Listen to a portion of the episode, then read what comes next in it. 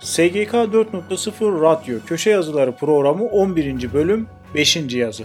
Musa Çakmakçı'nın işçi tarafından şirket WhatsApp grubuna işten ayrıldığına dair mesaj atması istifa olarak kabul edilir mi? Başlıklı yazısında yer verdiği konular özetle şöyledir. İş mevzuatımızda işçinin iş sözleşmesini tek taraflı irade beyanı ile sona erdirmesi fesih olarak düzenlenmiş iken çoğu yargı kararlarında fesih yerine istifa kavramı tercih edilmektedir. İstifa, işçinin iş sözleşmesini tek taraflı irade beyanıyla sona erdirmesi ve iş sözleşmesinden doğan yükümlülüklerini yerine getirmemesi anlamını taşımaktadır. Genelde işçi ben sözleşmemi feshediyorum yerine işten ayrılıyorum, istifa ediyorum ifadelerini kullanmaktadır. İşten ayrılırken yazdığı dilekçe de uygulamada istifa dilekçesi olarak adlandırılmaktadır. Bu bakımdan istifa ile fesih benzer kavramlardır. Teknolojinin ışık hızı gibi hayatımıza girdiği bu dönemde dijital yollarla e-posta, cep telefonuna SMS mesajı göndererek veya WhatsApp programları ile işçinin hizmet akdinin sonlandırıldığı gibi işçi de işten ayrıldığına yönelik mesaj atarak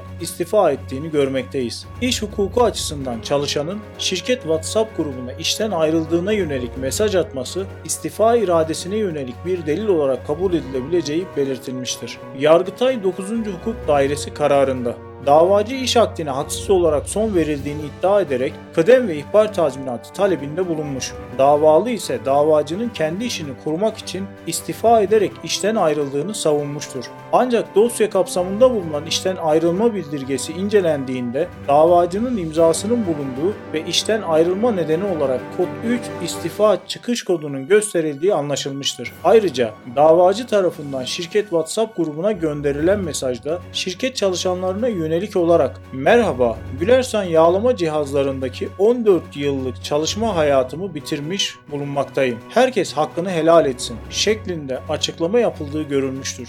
Buna göre davacının işten kendisinin ayrıldığının kabulü gerekirken yazılı şekilde iş akdine haksız bir şekilde son verildiğinin kabulü ile kıdem ve ihbar tazminatı taleplerinin hüküm altına alınması hatalı olup bozma nedenidir denilmiştir.